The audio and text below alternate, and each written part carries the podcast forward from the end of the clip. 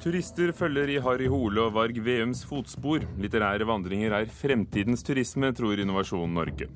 Ny konge og dialekt gjør at spelet om Heilag Olav på Stiklestad sitter som et skudd, tror vår anmelder. Og lidenskap er eh, tema i fransk filmpremiere denne uken, men vil den tenne, vår filmkritiker? Og Vi hører mer om Stiklestad og de andre sakene her i Kulturnytt i Nyhetsmorgen i NRK P2 Alltid nyheter med Ugo Fermariello i studio. Interessen for film- og litteraturvandringer øker, både i Norge og andre land. Oslo-guidene har nå tatt opp konkurransen med Stockholms Stig Larsson-vandringer, og tilbyr turer i Jo Nesbø og Harry Holes fotspor. I was looking for a holiday destination, and then I, I came Jon Espe book, and I thought, oh, Oslo would be great. So I decided to come here. Claes Wohl fra Østerrike reiste til Oslo nettopp pga. Jo Nesbø-bøkene om Harry Hole. Sammen med turister fra inn- og utland har han gått fra SAS-hotellet til Slottsparken, gjennom Vår Frelsers gravlund, og nå står de i Sofies gate i Oslo. Også kjent som Harry Holes hjemsted. Dette har Mari Atlanta Lunde i Oslo Guidebyrå vist frem siden januar i år. We can see that Harry still lives here. But after I started these walks, it happened about four months after this walk started, another sign came up. So somebody must have noticed that we were looking for Harry. So they actually put his name on this door also. Litteraturvandringen er ny i Oslo, men bergenserne har hatt Varg VM-byvandringer siden 2007. Og Christian Toftegård i Bergen byekspert forteller at Gunnar Staalesens bøker om privatdetektiven har hatt mye å si for turismen i Bergen. Jeg skal finne henne. Den ble påkjørt. Drept. Noen kjørte over henne med vilje, Kari. Også våre naboland har vandringer knyttet til serier som Borgen, Forbrytelsen og historien om Kurt Wallander. Programprodusent ved Stockholm stadsmuseum forteller at de startet med millenniumvandringer basert på Stig Larssons trilogi i Stockholm i 2008. Og interessen den har økt i takt med filmutgivelsene. Nå har de hele fire vandringer i uka. Vi begynte med millennievandringer 2008 i et forsøk å nå ut til en ny publikum. Og det var da tittet vi på bøker som folk leste, for vi ville gjøre litterære vandringer, og fant Stig Larssons millenniebøker. De lå høyt oppe på topplistene. Og vi gjorde helt enkelt en vandring der vi viste karakterene i bøkene, deres miljøer, og vevde inn Stockholms historie. Sen så merket vi at besøkerne og eh, vår publikum uppskattade vandringarna väldigt mycket. Så vi har fortsatt med dem og haft dem både på svenska og engelsk og en stort antall andre språk. Tilbake i Oslo nærmer den guida turen seg slutten. Siste stopp er Holes stampub Skrøder i Valdemar Tranes gate. Men puben var ikke helt lik den Klas hadde forestilt seg. It's a dark room, but no ships. It's, yeah, it fits to him, yeah. You can picture him good sitting at the window Mari Atlanta Lunde røper at de ikke har fått føringer fra forfatter Jo Nesbø om utformingen av vandringene. Vi kan, kan jo si at Jo Nesbø han vet om disse turene, og han, eh, han, og han skriver sine bøker. Vi guider, og han har ønsket oss lykke til og sagt vær flinke, og naturligvis så gjør vi så godt vi kan. Lasse og Mie fra Danmark har lest alle bøkene til Nesbø, og litteraturvandringen har gjort noe med leseropplevelsen til dem begge. Nå skal vi hjem og lese bøkene igjen, for nå har vi de riktige bildene å sette på når vi, øh, når vi får beskrivelsene øh, av Jon Nesbø. Altså, man vil jo aldri ha gått på de gader vi har gått på øh, her, hvis ikke det var fordi at man, man hadde den sammenheng med Harry Hole vi har gledet oss meget til å skulle, øh, skulle få en pils her på, på Skrøder for ligesom å, at sette prikken over i-et på turen. Så det er, det er riktig godt å, at kunne, kunne, slutte hernede. Så da vil vi bare si skål og, og oppfordre alle til å ta en, en rundtur. Sa de danske turistene på Harry Hole-tur i Oslo sammen med vår reporter Karen Sylte Hammeren. Audun Pettersen, leder i reiselivsavdelingen i Innovasjon Norge. Hvor stort kan litterær turisme bli, tror du? Det er vanskelig å si, men vi ser allerede det er en ganske sterk økning på det. Og hvis du ser på internasjonal forskning innenfor dette, her, så viser det at faktisk 40 av ferie- de ønsker faktisk å dra på steder hvor filmer og bøker osv. er uh, lagt. Men hva skal til for at de gjør som den østerrikske turisten og kommer fordi de har lest Jo Nesbøs bøker eller andre forfattere? Det er et par ting de må gjøre. Først er selvfølgelig at de har en veldig god historie, for å si det sånn. Det må være autentisitet i den opplevelsen man faktisk eh, ønsker å gi. Det kan ikke være noen sånn uekte greier. Det må være ekte, det autentiske. Så må det være en kobling. mellom historien og ikke minst mellom stedet. Og særlig mer autentisk eh, kan det vel ikke bli når du, Gunnar Staalesen, tar med lesere og tilreisende rundt omkring i privatetterforsker Varg Veums eh, Bergen? Nei, det er vel for så vidt riktig. Jeg har jo, Mine bøker ble oversatt allerede fra midten av 1980-tallet. Og allerede etter noen få år så opplever jeg at tyske lesere spesielt da kom til Bergen med kart i hånden og gikk opp ruter og fant adresser som de hadde lest seg til i bøkene. Og da grep du fatt i dem da, og begynte å, å, å føre dem rundt selv i stedet? Nei, det må jeg innrømme at jeg ikke gjorde. Men etter hvert så fikk jeg noen henvendelser fra grupper da, som gjerne ville ha en Vargvev-vandring, eller en vandring i Vargvevs fotspor. Og det er vel rundt årtusenskiftet at jeg begynte å gjøre dette litt mer systematisk. og Eh, nå må jeg nok innrømme at jeg foretrekker å gjøre rent historiske byvandringer i Bergen. For jeg syns det kanskje er på kanten av selvopptatthet å eh, skulle vise rundt i sitt eget forfatterskap. Men jeg gjør det med stor glede når jeg får eh, spørsmål om det. Ja, for du skjønner jo at det er spesielt for noen som leser Varg Veum-bøkene å få forfatteren selv til å vise rundt. Men hva, hva gir det leseropplevelsen, synes du, å, å se stedene hvor de forskjellige personene i en roman beveger seg? Jo, altså jeg har jo selv hatt tilsvarende opplevelser i andre byer som jeg har kommet til. Paris, London, Barcelona. At jeg kan gå og prøve å finne miljøer og steder der jeg har lest bøker fra. Og eh, jeg ser jo det at de som eh, er med på mine vandringer, har den samme typen opplevelse. De, de sperrer litt øynene opp når jeg kan vandre med dem ned gjennom telthusets maue. Der var jeg med om bord. Og eh, nå er det jo også filmene som er kommet til de siste fem-seks årene, så da kan vi også vise hvor vi bor i filmene, for det er et litt annet smau. Og så ender vi jo alltid opp på Strandkaien 2 da, foran eh, kontoret til Varg Veum. Og av og til går vi opp i baren i annen etasje der og tar et glass akevitt og eh, snakker videre om Varg Veum der. Hmm. Audun Pettersen i Innovasjon Norge. Noen har sett filmen, andre har lest bøkene. Har du eksempler på, på vellykket kulturturisme fra andre land? Ja, vi har flere. Det mest slitte kanskje er jo selvfølgelig Lord of the Rings. Hva det gjorde med New Zealand i sin tid, og ikke minst den veksten de fikk i turismen i etterkant. Eh, andre, kanskje ikke kanskje så kjente, er jo f.eks. Bollywood. Eh, og den dragningen de har mot Sveits. De får jo en 250 000 indre hvert eneste år som drar til én landsby i Sveits pga. at de har tatt opp drømmescenen i disse Bollywood-filmene. Men der er du inne på eksempelet av nesten produktplassering, ikke sant? hvor man gir støtte til filmer for å ta, ta dem opp på visse locations, som ja. viser, seg, viser, seg frem da? Jeg vil ikke kalle det produktplassering. Eh, det er filminsentiver som finnes i ganske mange andre land rundt omkring i verden. Ikke i Norge ennå, dessverre.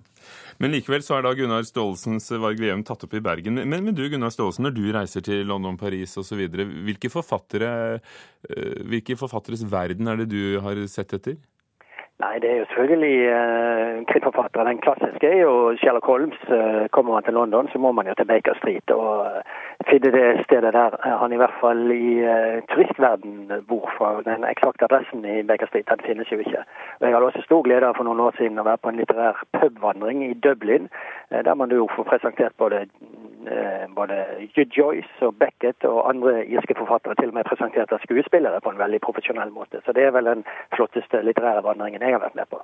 Det er hyggelig at du husker noe fra denne pubvandringen. Eh, men ja, har du noen, har du noen uh, ideer om hvilke andre forfattere vi kunne blitt bevandret med i, Norge? Ja, altså i Bergen har de jo faktisk også Ludvig Holberg-vandringer. Og selv har jeg ved et par anledninger vist rundt i Amalie Skrams Bergen. Så Eh, de fleste norske byer, i hvert fall som har forfattere som på en måte har tatt utgangspunkt i eh, landskapet der, eh, vil jo kunne ha tilsvarende vandringer. Men det er klart, kriminallitteraturen når jo automatisk ut til et mye større publikum, så det er nok lettere å finne litt større grupper som da kan identifisere seg, eller i hvert fall være interessert i den type vandringer.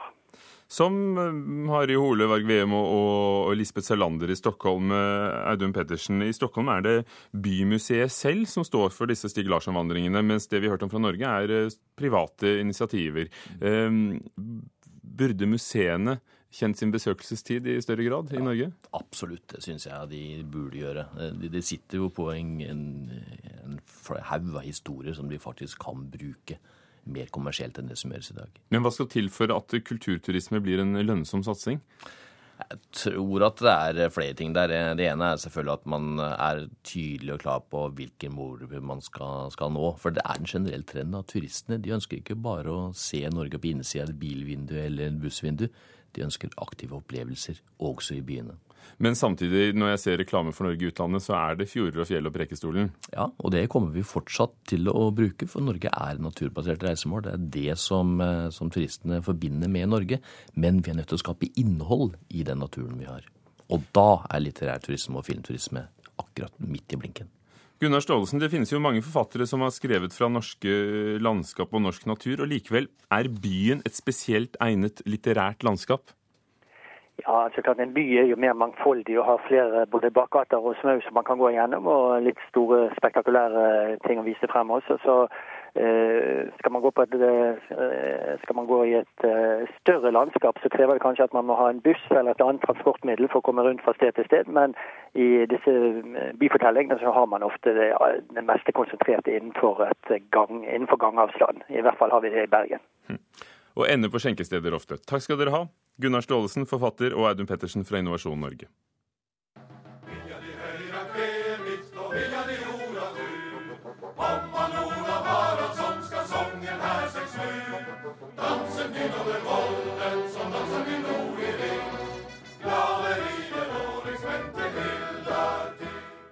Og hvert år reiser mange nettopp til Stiklestad for å oppleve spelet om Heilag Olav, der det har vært spilt siden 1954. Olav Gullvåg og Paul Okkenhaugs stykke blir ofte diskutert, og nå er det ny konge i Henrik Mestads skikkelse og ny regissør. Og Karin Frøsland Nystøl, vår eh, teaterkritiker her i, i P2, du var på premieren i går. Før vi sier mer om stykket, hvordan, hvordan var det? Hva er førsteinntrykkene? Og jeg syns det var fint, det. det. Det er jo det er jo så stort og flott anlegg de har, og et viktig stykke kulturhistorie. Og det, det blir man jo fort begeistra av. Kan du minne oss om hva det handler om? Ja. Eh, stykket utspiller seg på gården Sul, som ligger like ved Stiklestad. Der bor det en eh, bondefamilie som får høre at Olav Haraldsson er på vei til Norge for å ta tilbake det han tapte. Jarlene i Stiklestad-området er ikke så fornøyd med det, for eh, de har det, både jarle og bøndene har det ganske greit når kongen ikke er der. Men så plutselig så står kongen på tunet på Sul, og, eh, og familien der må avgjøre hva for side de er på. Kongens side eller den andre sida, for nå bygger det opp til eh, slag. Så er det altså ny regissør i år, Marit Moum Aune. Hva har hun gjort? Det viktigste hun har gjort, er å ta tilbake trønderdialekter i dette spillet. For opprinnelig så skrev eh, Olav Gullvåg teksten på det de kaller trøndernynorsk her oppe. Da. Altså nynorsk med, med trøndersk uttale. Men stykket har faktisk aldri konsekvent blitt spilt på den dialekten av alle skuespillerne i, i, samme oppsetning. Det gjør de nå, og det var veldig fint å høre på. Jeg tror eller jeg merka på publikum etterpå at det var noe av det store samtaleemnet. At de snakka trøndersk. Så det, det virka som det var en stolthet eh, knytta til dette. Så syns jeg òg eh, Moum Aune har brukt anlegget veldig fint. Hun lar hærmennene komme fra baksida, altså opp midtganger der publikum sitter. Man blir liksom tatt med når de skrider inn, og hun lar kongen ri over vollene og rundt omkring. Og det, det passer veldig godt i det, det type stykke som dette er. Og så, eh, og så tematiserer hun denne gangen ikke så mye kristning av Norge som heller det menneskelige forklaringsbehovet som alltid har vært hos folk. Hvordan forklarer vi fenomenet rundt dere?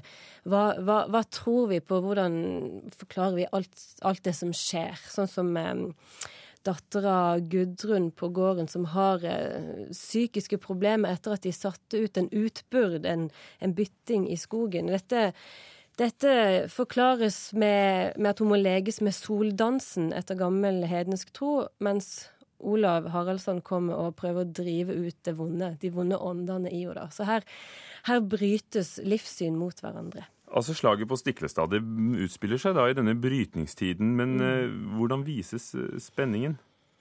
Blant annet da med dansen, soldansen som jeg nevnte, da. Store danser der de prøver å hjelpe Gudrun til å finne roa.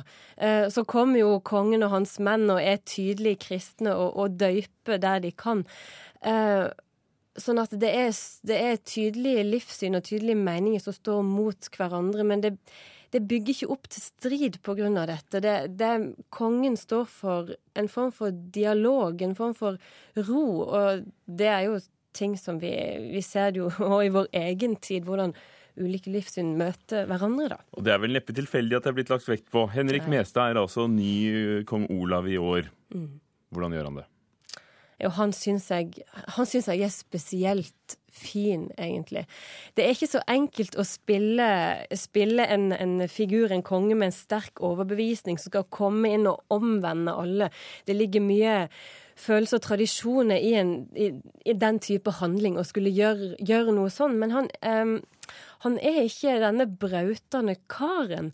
Han har klart å gi uh, Olav Haraldsson en, en dybde, en, en sterk tro, for all del, en sterk tro og nesten så jeg lurte på om han skulle bikke over til å bli nærmest en bedehuspredikant av og til. Det gjorde han, det gjorde han ikke. Men denne, denne troa han har, eller uttrykket hans, da, det rommer tvil, det rommer ettertanke, det rommer respekt for den tradisjonen han kom i møte på Stiklestad. Det livet som, som han òg levde, eller den troa, det livssynet han hadde før. Og det er ikke så enkelt å få til denne balansen, men han klarer det. Og det syns jeg er veldig fint. Jeg syns òg den måten han møter Gudrun, denne dattera som, som, har Som jeg vil si er psykisk ustabil. Karin Frøsland Nystøl, jeg tror jeg skal be deg gi deg en kort oppsummering av hva du synes om Marit Moum Aunes og årets utgave av Spel om Heilag Olav på Stiklestad. Kort, altså. Jeg syns at dette med dialogen og møtet mellom livssyn er veldig fint. Så syns jeg at de har en del å gå på dramaturgisk sett, for det er noen daupunkter og mye bølgedaler i denne oppsetninga. Men det er utrolig flott å høre det på ekte trøndernynorsk. Og i går kveld var det altså premiere. Takk, Karin Frøsland Nystøyl. Du hører på Nyhetsmorgen i NRK P2 Alt nyheter, og klokken er allerede blitt eh, ti på halv ni. Overskriften i dag. Kampene i Syria intensiveres. Både opprørerne og den syriske hæren sender forsterkninger til eh, kampene i Syrias industri- og finansby Aleppo. Oslo universitetssykehus lokker med pengepremie på 40 000 kroner for å få rekruttert operasjonssykepleiere. Folk glemmer rundt 3000 mobiltelefoner på Oslo lufthavn hvert år. De fleste blir aldri hentet. Og den etterlyste Grefsen-meteoritten er funnet. Astrofysiker Knut Jørgen Rød Ødgaard og konen Anne Mette Sandnes, som eier meteoritten, lover at de aldri skal selge den til utlandet. Jeg synes det hadde vært litt morsomt også hvis et annet museum i Norge kunne få en del av de meteorittene, siden det falt ned ganske mange i Oslo. da at de òg kunne få en stein, så at folk som bor i andre steder i Norge også kan få se disse uten å måtte reise inn på hovedstaden. Nikolai Astrups barnebarn er skuffet over at færre folk besøker kunstnerens gamle hjem, Astruptunet i Jølster i Sogn og Fjordane. I 2008 hadde kunstnerhjemmet på Jølster færrest besøkende noensinne. Både besøkende og de som bor i Jølster mener det er synd at mange går glipp av Astruptunet. Ja, her er da kjøkkenstova som kom hit i 1916. Den fikk de flytta opp fra veien, da, og den sto opprinnelig nede med vannet. Det er en grå morgen på Astruptunet i Jølster. Likevel er Anette Nygaard godt i gang med å guide ei gruppe på seks gjennom de ulike bygga på tunet. Blant de er Jon og Olga Elisabeth Slettagjeld fra Byneset i Trondheim. De mener det er synd om folk går glipp av Astruptunet. Ja, jeg syns det er veldig synd, for jeg regner han som en av Norges største kunstnere. Da. Og han har også en eh, spesiell historie som er vel verdt å høre. Jeg syns det var kjempeflott å komme hit og se gamle hus her, og der han har malt. og Det er opplevelse. Men faren for at folk går glipp av Astruptunet er absolutt til stades. Det mener tidligere ordfører i Jølster, Gerd Dvergsdal. I 1995 hadde tunet hele 26 000 besøkende. 2008 ble det dårligste året siden oppstarten i 1986, med i overkant av 5000 besøkende. Sjøl er Dvergsdal årlig oppom den gamle heimen til Nikolai Astrup. Jeg har alltid syntes at Astruptunet er ei perle. Det, det, er vakkert. Det, når vi kommer opp her og setter seg ned, så eh, det er ro. Men nå frykter Dvergsdal at dårlig markedsføring fører til at mange går glipp av denne opplevelsen. Hun føler at Nikolai Astrup aldri før har vært så anonym som i dag. Det er litt synd når vi ser hva kunsten på de forskjellige auksjonene, hvor verdsatt den er, så er det for meg et stort paradoks at ikke en klarer å markedsføre noe bedre enn det en har gjort i dag. Her er, her er lite markedsføring, bortsett fra en nettside. Nettsidene kan være vel og bra, men jeg tror at det å se at en profilerer Astrup når en kommer f.eks. til bygda, det gjør noe med folk som gjør at det får de lyst til å besøke. Og Bare det å vandre i tun her er jo, er jo veldig harmonisk, og det er veldig, det er veldig vakkert. Selv i regn så er det faktisk vakkert. Også etterkommerne etter Nikolai Astrup reagerer på utviklinga. Barnebarn Nikolai Astrup Gelmyden sier familien synes det hele er sørgelig. Jeg kjenner meg jo ikke igjen, så jeg besøker ikke tunet den mer når jeg er der. For eh, det var ikke sånn det var. Det, nei, jeg synes jeg er dårlig. Jeg uh, føler meg ikke velkommen. Gelmyden mener forvaltninga av tunet har vært for dårlig, og at overskuddet fra glanstida på 90-tallet skulle vært brukt til å kjøpe inn mer Astrup-kunst. Han mener også at omvisningene burde ha mer fokus på kunsten. Det de har tatt inn på Astrup-tunet, det skulle gå til mer til skikkelig uh, omvisning eller mer på kunsten, mer fagfolk. De burde sette seg litt mer inn i hvordan han både malte og hvordan han uh, drev sin grafikk, hvordan han laget den. Så skulle de satt seg inn i hans unike måte å lage trestykker på. Jeg er kanskje den eneste som vet det i dag. Sa Nikolai Astrup Gellmeiden, Astrups barnebarn og Sogn og Fjordane kunstmuseum, som driver Astrup-tunet i Jølster, ønsker ikke å kommentere utspillene. Reporter var Marie Osland. Møbelprodusenten Ekornes krever å få fjernet ordet 'stressless' fra romanen 'Reisen hjem' av Laurie Lanson på Jurisen forlag. Ekornes hevder de har enerett på bruk av merkevaren også i en roman. Oversetteren har brukt ordet 'stressless' sammen med den amerikanske konkurrenten, nemlig stolen Lazeboy. Forlagssjef Arve Juritzen sier til Dagens Næringsliv at han ikke tar klagen seriøst, for dette har ikke noe med markedsføringsloven å gjøre, sier han. Saken er nå hos NHO, som vurderer om de vil kreve at forlaget fjerner 'stressless' fra boken, som har solgt i 110 000 eksemplarer i Norge.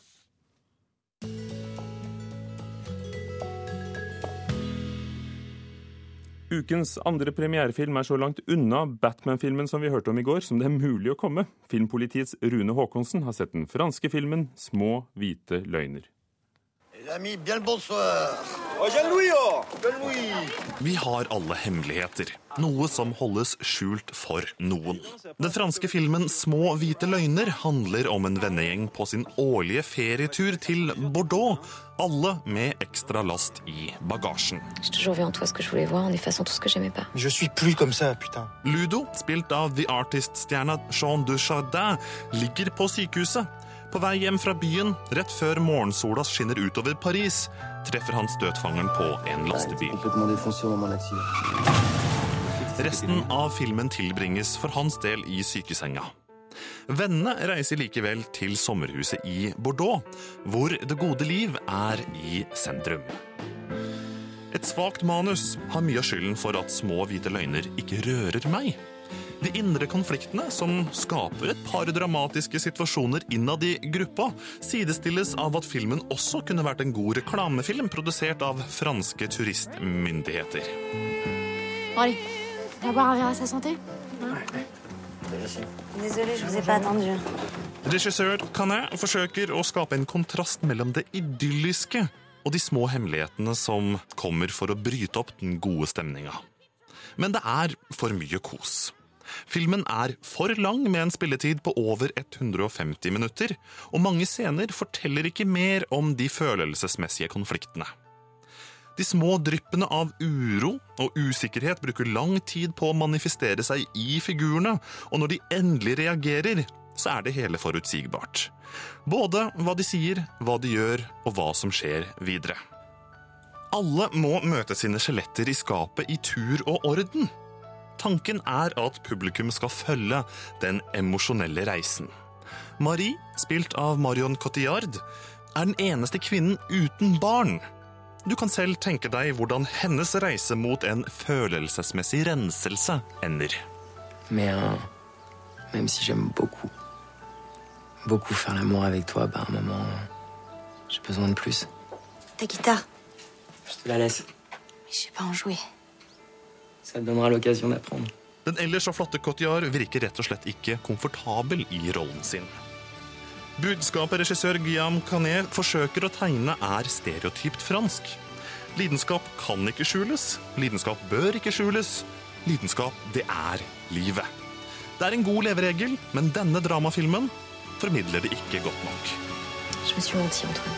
Marié, Qu'est-ce que ça me fait de la peine de savoir ça fais pas ça, Juliette. Ta vie, elle est avec moi. Rune Aakonsen hadde sett Små hvite løgner, og du kan diskutere filmen og se klipp fra fra den på nettet nrk.no film. Eh, og Rune Aakonsens terning stoppet på tretallet. Hva gjør du når du har en hund og skal på ferie f.eks. sydover? Torkil Jemterud, programleder i Ekko, om en halvtime. Ja, da kan du f.eks. ta det med deg på flyet. Stadig flere folk gjør eh, nettopp det. Og det har med å gjøre nye regler for eh, fri flyt av mennesker og tjenester i EU, som gjør det lettere også for de firbeinte å dra ut og reise. Og i fjor så kom over 7000 hunder gjennom passkontrollen, og det er bare på Gardermoen. Og dette her kan bli et problem for folkehelsa, mener eksperten på mattrygghet som kommer til oss i dag. For mange av disse hundene de er også gatehunder. Eh, Så hva blir problemet? Er det sykdommene? Ja, nærmere bestemt det som kalles eh, sonose. Har du hørt om det? Nei. Nå så? Ja, nå har jeg hørt om det. Sonose det er eh, sykdommer som overføres fra dyr til mennesker. Og da kan man jo f.eks. tenke seg rabbis, som ikke har vært sett i Norge på manns minne. Men kan det egentlig være så farlig da, spør vi, hvis vi bare vaksinerer disse hundene godt nok? Ekko om en halvtime i P2. I Kulturnytt har vi hørt at Innovasjon Norge sier turister ønsker opplevelser, som de stadig flere litterære vandringene som vi hørte eksempler på. Sendingen var ved Espen Alnes produsent, teknisk ansvarlig Hilde Tosterud og programleder Ugo Fermariello.